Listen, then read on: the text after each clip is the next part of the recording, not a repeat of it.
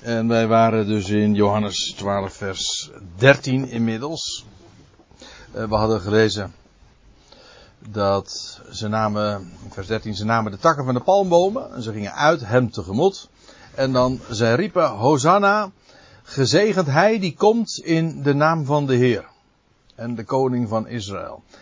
En dat is uh, een, een direct, ook een aanhaling uit, uh, uit het boek van de psalmen. En het lijkt mij heel verstandig om daar even naartoe te gaan.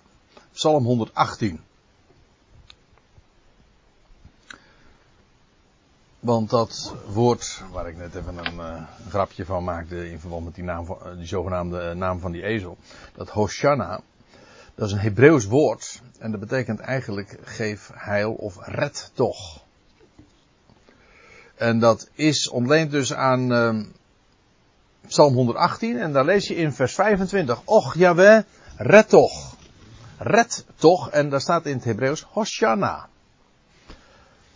Och Jaweh, geef toch voorspoed. En dan in vers 26. Gezegend hij die komt. Dat is enkelvoud, Gezegend de komende. En dat is in het Hebreeuws zelfs. Want je vindt hem wel veel uh, vaker, die uitdrukking een, een, een messiaanse aanduiding. Titel is niet het juiste woord, maar wel het is een, een, verwijzing naar hem die gaat komen. En hem die zij verwachten. Ik bedoel, in feite de hele, hele Hebreeuwse Bijbel zwanger, letterlijk en figuurlijk, van die verwachting. Namelijk naar hij die komt. Het, het beloofde zaad. Gezegend hij die komt in de naam van Yahweh. Wij zegenen u uit het huis van Yahweh. Dat is trouwens wel interessant als er staat, wij zegenen u vanuit het huis van Yahweh. Dat, dat, was ook letterlijk zo in dit geval, want deze menigte die kwam vanuit Jeruzalem en ze ging de Heer tegemoet. En ze zegenen hem vanuit, hè, want daar kwamen ze vandaan, het huis van God, namelijk de tempel. Maar ze roepen dan dus Hosanna, red toch, geef redding. En dan vervolgens uh, zegenen ze hem die zou komen in de naam van Yahweh.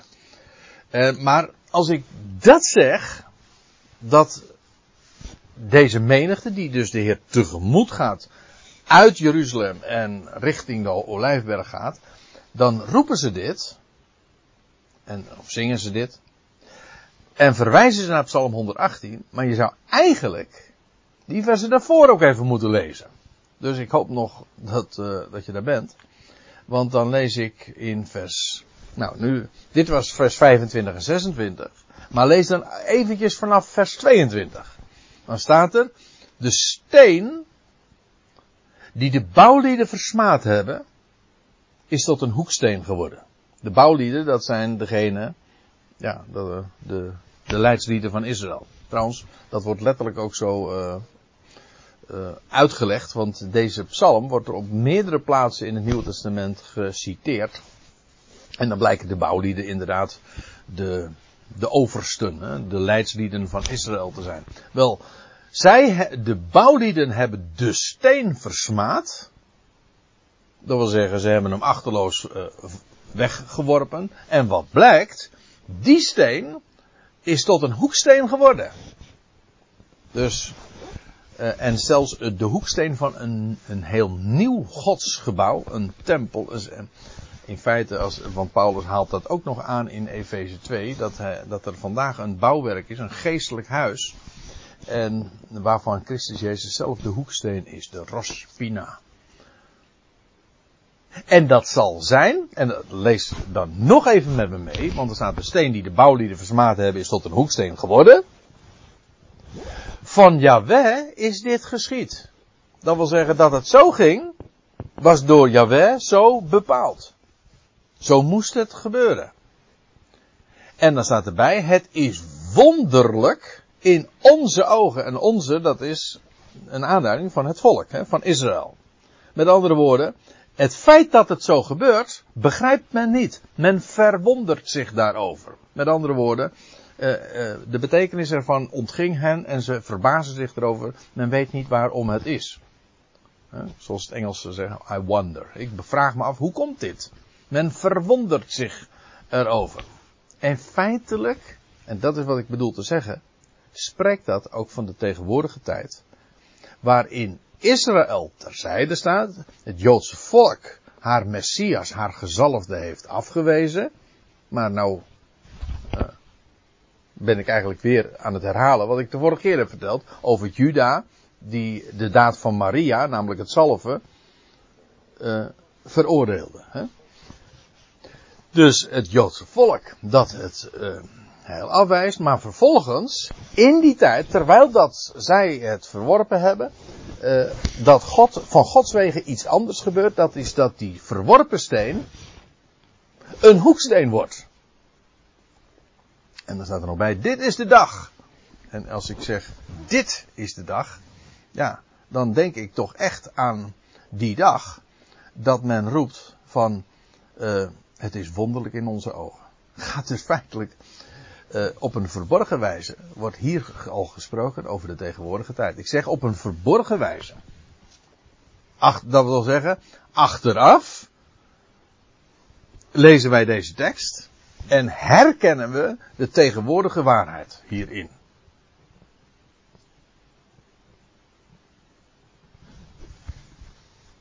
En dan, die, en dan krijg je dus, och Jawel, red toch, och Jawel, red toch, geef toch uh, voorspoed. En gezegend hij die komt in de naam van Jahweh. Want dat is feitelijk de echte vervulling daarvan. Dat Israël daadwerkelijk gered zal worden en voorspoed zal ontvangen. En dat ze hem zullen zien en herkennen en erkennen als degene die komt in de naam van Yahweh. Ja, dat is toekomst. Dus je krijgt eerst de steen die wordt versmaad, afgewezen. Vervolgens wordt hij tot hoeksteen. Israël begrijpt er niks van en het is wonderlijk in hun ogen. Dat is de dag die Yahweh heeft gemaakt. En dan staat er, en dan in vers, vanaf vers 25, dan krijg je uh, alsnog die erkenning. En dat wat in prematuur feitelijk plaatsvond in, de, het verleden, tot die tiende Nisan, toen men de koning inhaalde, toen bleek het in werkelijkheid het in huis nemen van een paaslam, van het paascha. Ja, ook dat is wonderlijk in onze ogen. Toch? Als je. En zij riepen Hosanna, gezegend hij die komt in de naam van de. En, er staat er nog bij, en ik ben nu weer even terug in Johannes 12. En de koning van Israël. Dat wil zeggen, men roept hem aan en benoemt hem als de koning van Israël. Dat geeft wel aan hoe men hem ziet. En dan te bedenken, dit was 10 Nisan, de dag dat het lam in huis genomen werd. En zij dachten aan de koning. En, nou ja, daar hebben we het de vorige keer ook over gehad. Uh, de discipelen, uh, in, in, ieder geval iemand als Juda, Judas bedoel ik, uh, die hebben dat ook gedacht. En pas later zijn ze gaan begrijpen van wat er werkelijk aan de hand is. Maar dat lees je hier trouwens ook al. Um, dan staat er nog trouwens bij, en dat wordt hier maar heel sumier beschreven. Eigenlijk wordt het nauwelijks beschreven. Want dan staat er in vers 14, Jezus nu vond een ezeltje. En ging daarop zitten zoals het geschreven is. Maar als je nou dat in Matthäus 21 naleest, of in uh, Marcus 11, of in Lucas 19, waar je ook deze optocht, intocht, aftocht, uh, beschreven vindt. Daar wordt, daar, uh, daar wordt die geschiedenis veel uitgebreider verhaald. Want hier staat dan simpel, hij vond een ezeltje. Maar in werkelijkheid was daar, is dat een hele geschiedenis geweest. Hè, dat die Jezus de twee van zijn discipelen erop uitstuurde naar Betfage. En dan zouden ze, had hij al gezegd, want daar, vind je een, een, een ezelin. En met een veulentje. Uh, en die moet je, en dan, en neem die. En als er dan gevraagd wordt van, uh, weet je wel, uh, wat is dat? Voor, en, en, dan hoef je alleen maar te zeggen van, de meester heeft hem nodig. En dan kan je hem losmaken en brengen. Nou, en, en zo kwam dat, kwamen die beide ezels, want dat waren, het waren twee ezels, hè. Dat is niet zo bekend. Maar je leest in Matthäus 21, lees even mee. ja, gaan we weer even bladeren. Matthäus 21, vers 7.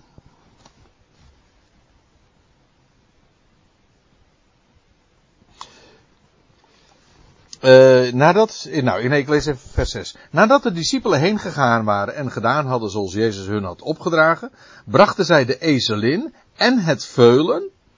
En zij legden hun klederen erop en, ging, en hij ging daarop zitten. Het is niet helemaal duidelijk of, uh,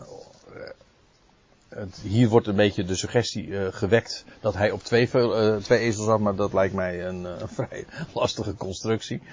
maar wel dat, dat hij zat op het veuletje en de moeder was er gewoon bij. De ezelin. En dan begrijp je trouwens ook nog iets anders, want men heeft gezegd van ja, er staat een ezelin. Terwijl in de, in de profetie wordt er gesproken over een ezelshengst. Ja, Hè? Ja, ja dat, dat precies. Want men heeft, kijk, dat is, dat zo leuk met die, die zogenaamde tegenstelling in de Bijbel. Je moet goed lezen. Want meestal is het ook het, uh, de gedachte van er was maar één ezeltje bij betrokken. Ja, dan is het toch, dan kan het, uh, of uh, is het een, een vrouwtje of, of, een mannetje. maar in dit geval, ehm, nou ja, er staat ook bij, um, nou, ik, ik, ben nog steeds even in Matthäus 21. En er staat er. En toen zij uh, Jeruzalem naderd en te Betfage kwamen. Aan de Olijfberg. Toen zond Jezus twee discipelen uit. Tot wie hij zeide: Gaat naar het dorp dat tegenover u ligt. En terstond zult gij een ezel, ezelin vastgebonden vinden. En een veulen bij haar. Maak haar los en brengt haar tot mij. En nou ja, als er iemand iets uh, over mocht zeggen, dan, uh, dan geven we maar de instructie van de Heer heeft het nodig. Ja, want dan staat er in. Uh,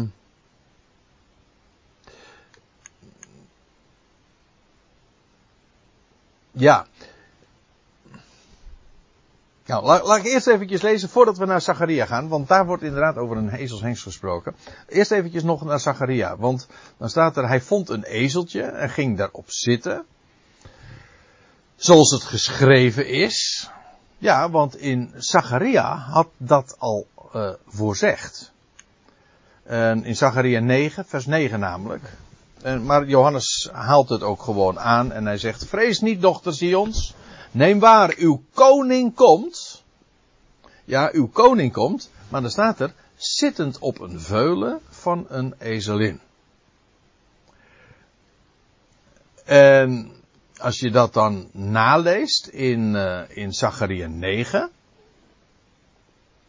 Ja, laten we daar dan ook nog even naartoe gaan. Zacharia 9.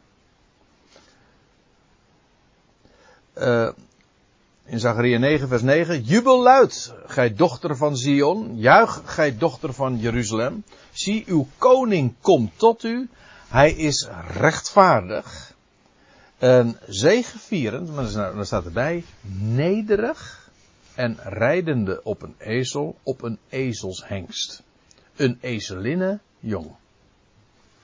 Nou, hier uh, zie je meteen waarom de tegenstelling ineens helemaal verdwijnt. Want het is een veulen. En dat veuletje was een hengst. En de moeder, de, de ezelin dus, die was daarbij.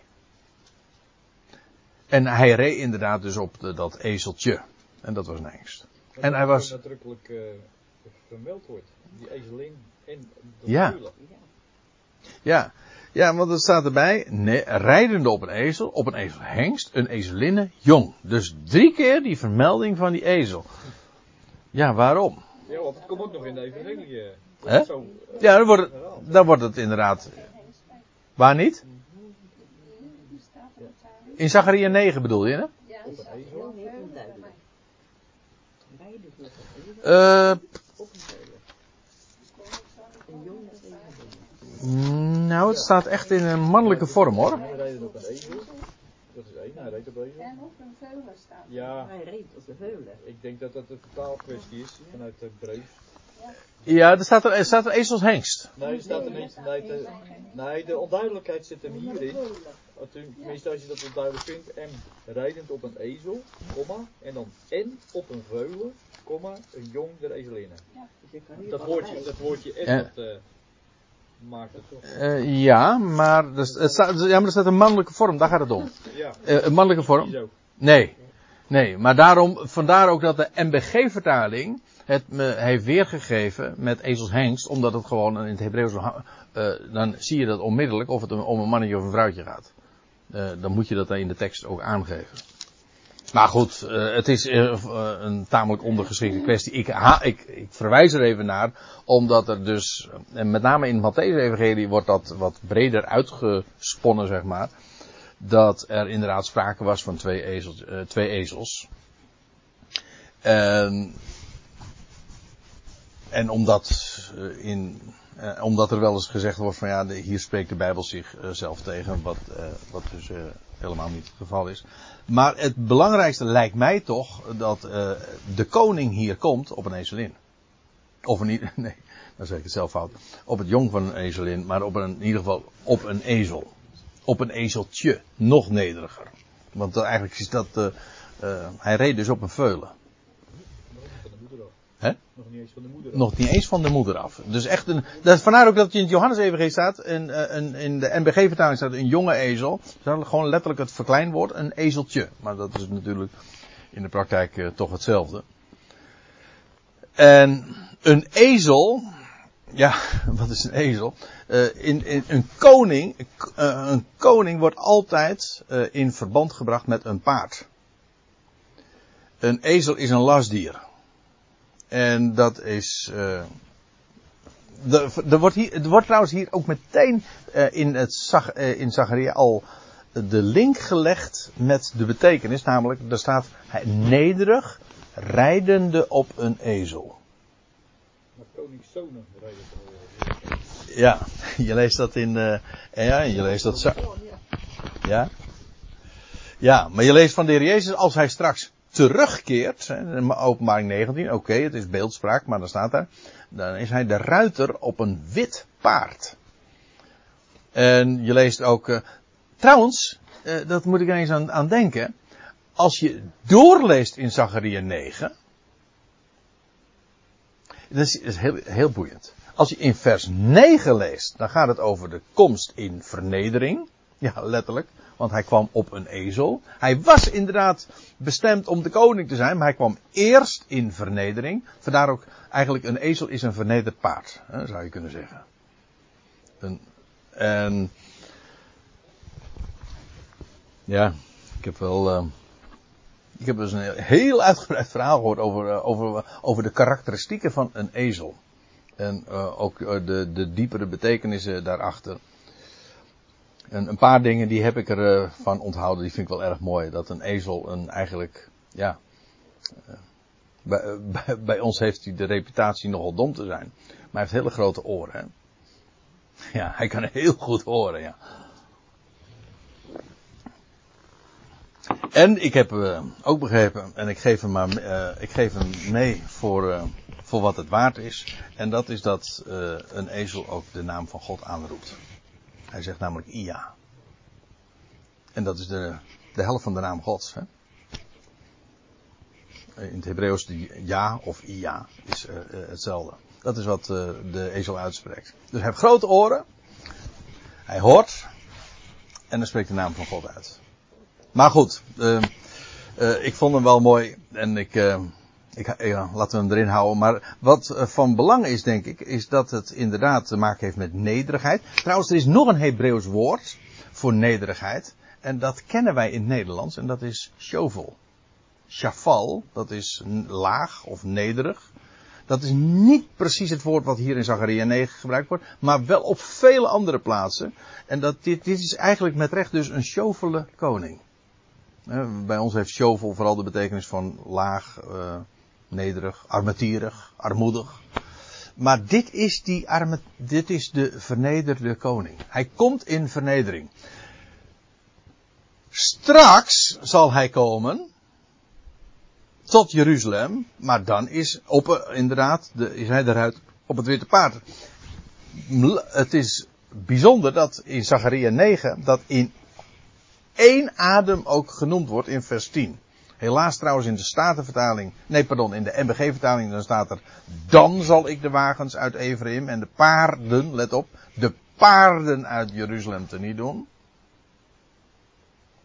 Maar dat woordje dan staat er niet. Dat, klopt ook niet, het staat letterlijk gewoon in het Hebreeuws en. In de, als je een Statenvertaling hebt, staat het correct. Dus het idee is, uh, hij is rechtvaardig, zegevierend, nederig en rijdende op een ezel, op een ezelshengst en een ezel in de jong. En ik zal de wagens uit Ephraim en de paarden uit Jeruzalem teniet doen. Ook de strijdboog wordt teniet gedaan.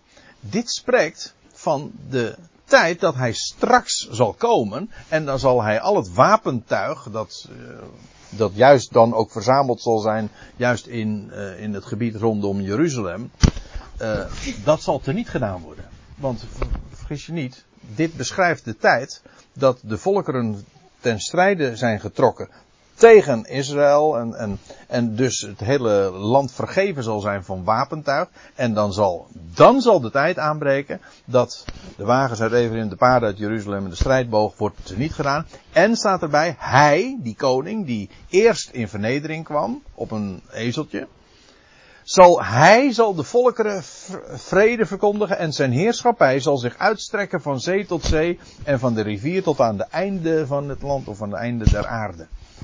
En hier wordt dus in één adem gesproken over, de, over zijn komst in vernedering, namelijk op een ezeltje. En wordt ineens dat gat van 2000 jaar. Laat ik het zo anders zeggen. Dat gat tussen Bethanië en Jeruzalem. Die afstand van 2000 L wordt hier gewoon, in, gewoon overbrugd. Wordt even niet meegerekend. Dat wordt, gat wordt hier gedicht. Dat, zeg maar het dal tussen de Olijfberg en de Jeruzalem wordt hier. Uh, wordt overheen gekeken, wordt overbrugd. Feitelijk is dat ook precies wat hier uh, gebeurde. Maar in ieder geval, dan zal hij inderdaad de volkeren uh, vrede verkondigen. Maar ook dat doet hij in de eerste plaats door ook al het wapentuig te vernietigen. Hoe, wordt het, uh, hoe wordt dat gezegd? Dan wordt de, de zwaarden tot ploegscharen omgesmeed. Met andere woorden, ze, doen nog wel dienst. Maar dan ineens voor vreedzame doeleinden. Nou, je moet, je moet er dus aan denken. Als al het wapentuig en al het geld wat nu in defensie en, en, militaire toestanden uh, opgaat, of ik, ik ben geneigd te zeggen ten onder gaat. Ik bedoel, wat heb je, wat heb je eraan? Wordt alleen maar, maar kapot meegemaakt. Maar als al dat geld nou eens een keer geïnvesteerd zou worden in vreedzame doeleinden. En het enige wat je daarvoor nodig hebt is gewoon één rechtvaardige koning. Koninkrijk over de hele aarde. Nou, dat is wat er gaat komen. Dus uh, het is nog even wachten. Maar ik ben blij dat die, uh, dat die afstand van 2011 bijna overbrugd is. En, uh, en, dat hij dan inderdaad gaat komen en dan, zal, dan zullen de volkeren vrede leren. En dan zal hij zijn heerschappij gaan uitstrekken van zee tot zee en van de rivier tot aan de einde der aarde. En mooi hè, dat aan in vers 9 gesproken wordt. Hij kwam ooit in vernedering op een ezeltje. Maar als hij straks zal komen, dan zal hij de paarden uit Jeruzalem, eh, dat, dat zijn vooral de, de, dieren die gebruikt worden in verband met, uh, met oorlog, die worden dan teniet gedaan. Vandaar ook dat hij zelf ook komt op een wit paard. Ja. Daar hebben wij ook nog allerlei uh, verwijzingen naar natuurlijk. In allerlei volksfeesten. Ja, alleen zitten ze op in de. Ja, dat is, dat is dan weer een dissonant, hè. Nou ja. Maar goed. En dat wordt dus geroepen. vrees, eh, ik ben nu weer even terug in Johannes 12. Eh, dat ze zeggen. Dat. Zij, zij riepen dat. En dan staat er zoals het geschreven is. Vrees niet, dochter Sions. Uh, neem waar, uw koning komt, zittend op een veulen van een ezelin. En nou, daarmee wordt dus verwezen en naar Zacharia 9, maar al eerder met wat de stoet en de optocht in de optocht geroepen werd, naar Psalm 118. Kortom, er wordt hier direct naar allerlei schriftplaatsen in de Hebreeuwse Bijbel verwezen. Ja, en dan staat er in vers 16, deze dingen wisten zijn leerlingen eerst niet. Deze dingen, dat wil zeggen de betekenis van die woorden in Psalm 118, Zachariah 9. Kijk, wij, eh, nu dit allemaal zo keurig eh, opgetekend is, daarvan verslag is gedaan door notabene alle eh, evangelieschrijvers, wat tamelijk uitzonderlijk is. Maar die maken melding van deze gebeurtenis, van deze optocht naar Jeruzalem. En wat er toen geroepen werd, en waar het de vervulling van was, eerst realiseerde men zich dat niet. Dus dat is wat Johannes hier in hoofdstuk 12 vers 16 zegt. Deze dingen wisten zijn leerlingen eerst niet. Niemand heeft daar toen zo aan gedacht. Uh, maar, staat erbij, toen Jezus verheerlijkt werd, toen werden zij eraan herinnerd. Toen vielen de, hoe zeggen ze dat? De stukjes, hè, de, ja, de, de schellen van hun ogen, maar dat, uh, dat woord zocht ik niet eens. Toen vielen de, de puzzelstukjes op hun plek. Ja. Toen werden ze eraan herinnerd. Wat trouwens ook voorzegd was. Want de Heer Jezus, maar dat zullen we nog zien in hoofdstuk uh, eh, 14. Dat hij zei, de trooster, of letterlijk de erbij geroepene. De Heilige Geest, die de Vader zenden zal, Johannes 14, vers 26. Uh, die zal, die de Vader zal zenden in mijn naam. Hij zal jullie alles onderwijzen. En ik versta dat ook letterlijk. Jullie, jullie, leerlingen. Hij zal jullie alles onderwijzen. En dan zullen jullie alles in herinnering ook brengen. Dat betekent dus dat echt het ook gaat over de discipelen. En hij zal jullie alles in herinnering brengen wat ik tegen jullie zei. En alles waarvan men toen, toen men het meemaakte, niet kon vermoeden wat eh, de diepgang was en de connectie met allerlei schriftplaatsen enzovoort. Pas later, door het onderwijs, door de, de troost, de Heilige Geest die was gekomen, daardoor werden zij onderwezen en werden ze ook in herinnering gebracht uh, van, de, de, ja, van de ware betekenis. En dan staat er nog bij in vers 16, maar toen Jezus verheerlijkt werd, dus na zijn opstanding, eventueel na zijn hemelvaart, ook na, de, na zijn terugkeer incognito als Heilige Geest, toen werden zij eraan herinnerd dat. Oei. Hebt u even een momentje, want ik moet nu iets van mijn computer doen. Zo ja. Dat deze dingen, een excuus, dat deze dingen met het oog op hem geschreven waren en dat zij deze dingen uh, met hem deden. Dus uh, da, dat wat met het oog op hem geschreven was, dat uh, realiseerde men zich pas later. En ik vind het trouwens bijzonder hoe dat, hoe je en in Zachariah 9 en in Psalm 118, maar je zou er natuurlijk tientallen schriftplaatsen aan toe kunnen voegen, minst, uh, waarin dat duidelijk wordt dat er sprake is van een eerste en een tweede komst en de tijd die daartussen is. Nou ja, alles uh, daar, dat daarmee verband houdt. Ook deze geschiedenissen wijzen daarop. En dan staat er nog in vers 17, de menigte dan gaf getuigenis. Dat is eh, wel uh, apart. De gemenigte dan gaf getuigenis, zij die met hem was, toen Lazarus werd ontboden uit het grafgewelf en hem opwekte vanuit de doden. Dat wil zeggen, uh, hier wordt een verklaring gegeven van waarom, van waar was die menigte zo uitbundig enthousiast. Nou, dat was omdat de menigte die gaf getuigenis. Dat wil zeggen, die spraken erover dat, uh, dat zij daar zelf hadden meegemaakt dat Lazarus uit het graf was geroepen en opgewekt was vanuit de doden. En dan staat er in vers 18, daarom ook ging de menigte hem tegemoet, omdat zij hoorden dat hij dit teken gedaan had. Je begrijpt wel, dan, als dit zo sterk benadrukt wordt door Johannes, de reden is dat hij, eh, van, die, van die grote menigte die uit Jeruzalem komt om, om Jezus dan binnen te halen, die was uh, helemaal, ja, ontdaan, of nou, misschien niet het juiste woord, maar uh, die was zo uh, verbaasd en verbijsterd over wat er gebeurd was met Lazarus, dat zij hebben geconcludeerd, dit moet de koning zijn. Israëls koning die, ja, de beloofde. En die dus zijn heerschappij gaat opnemen. De koning van Israël. En dat is precies ook wat ze roepen.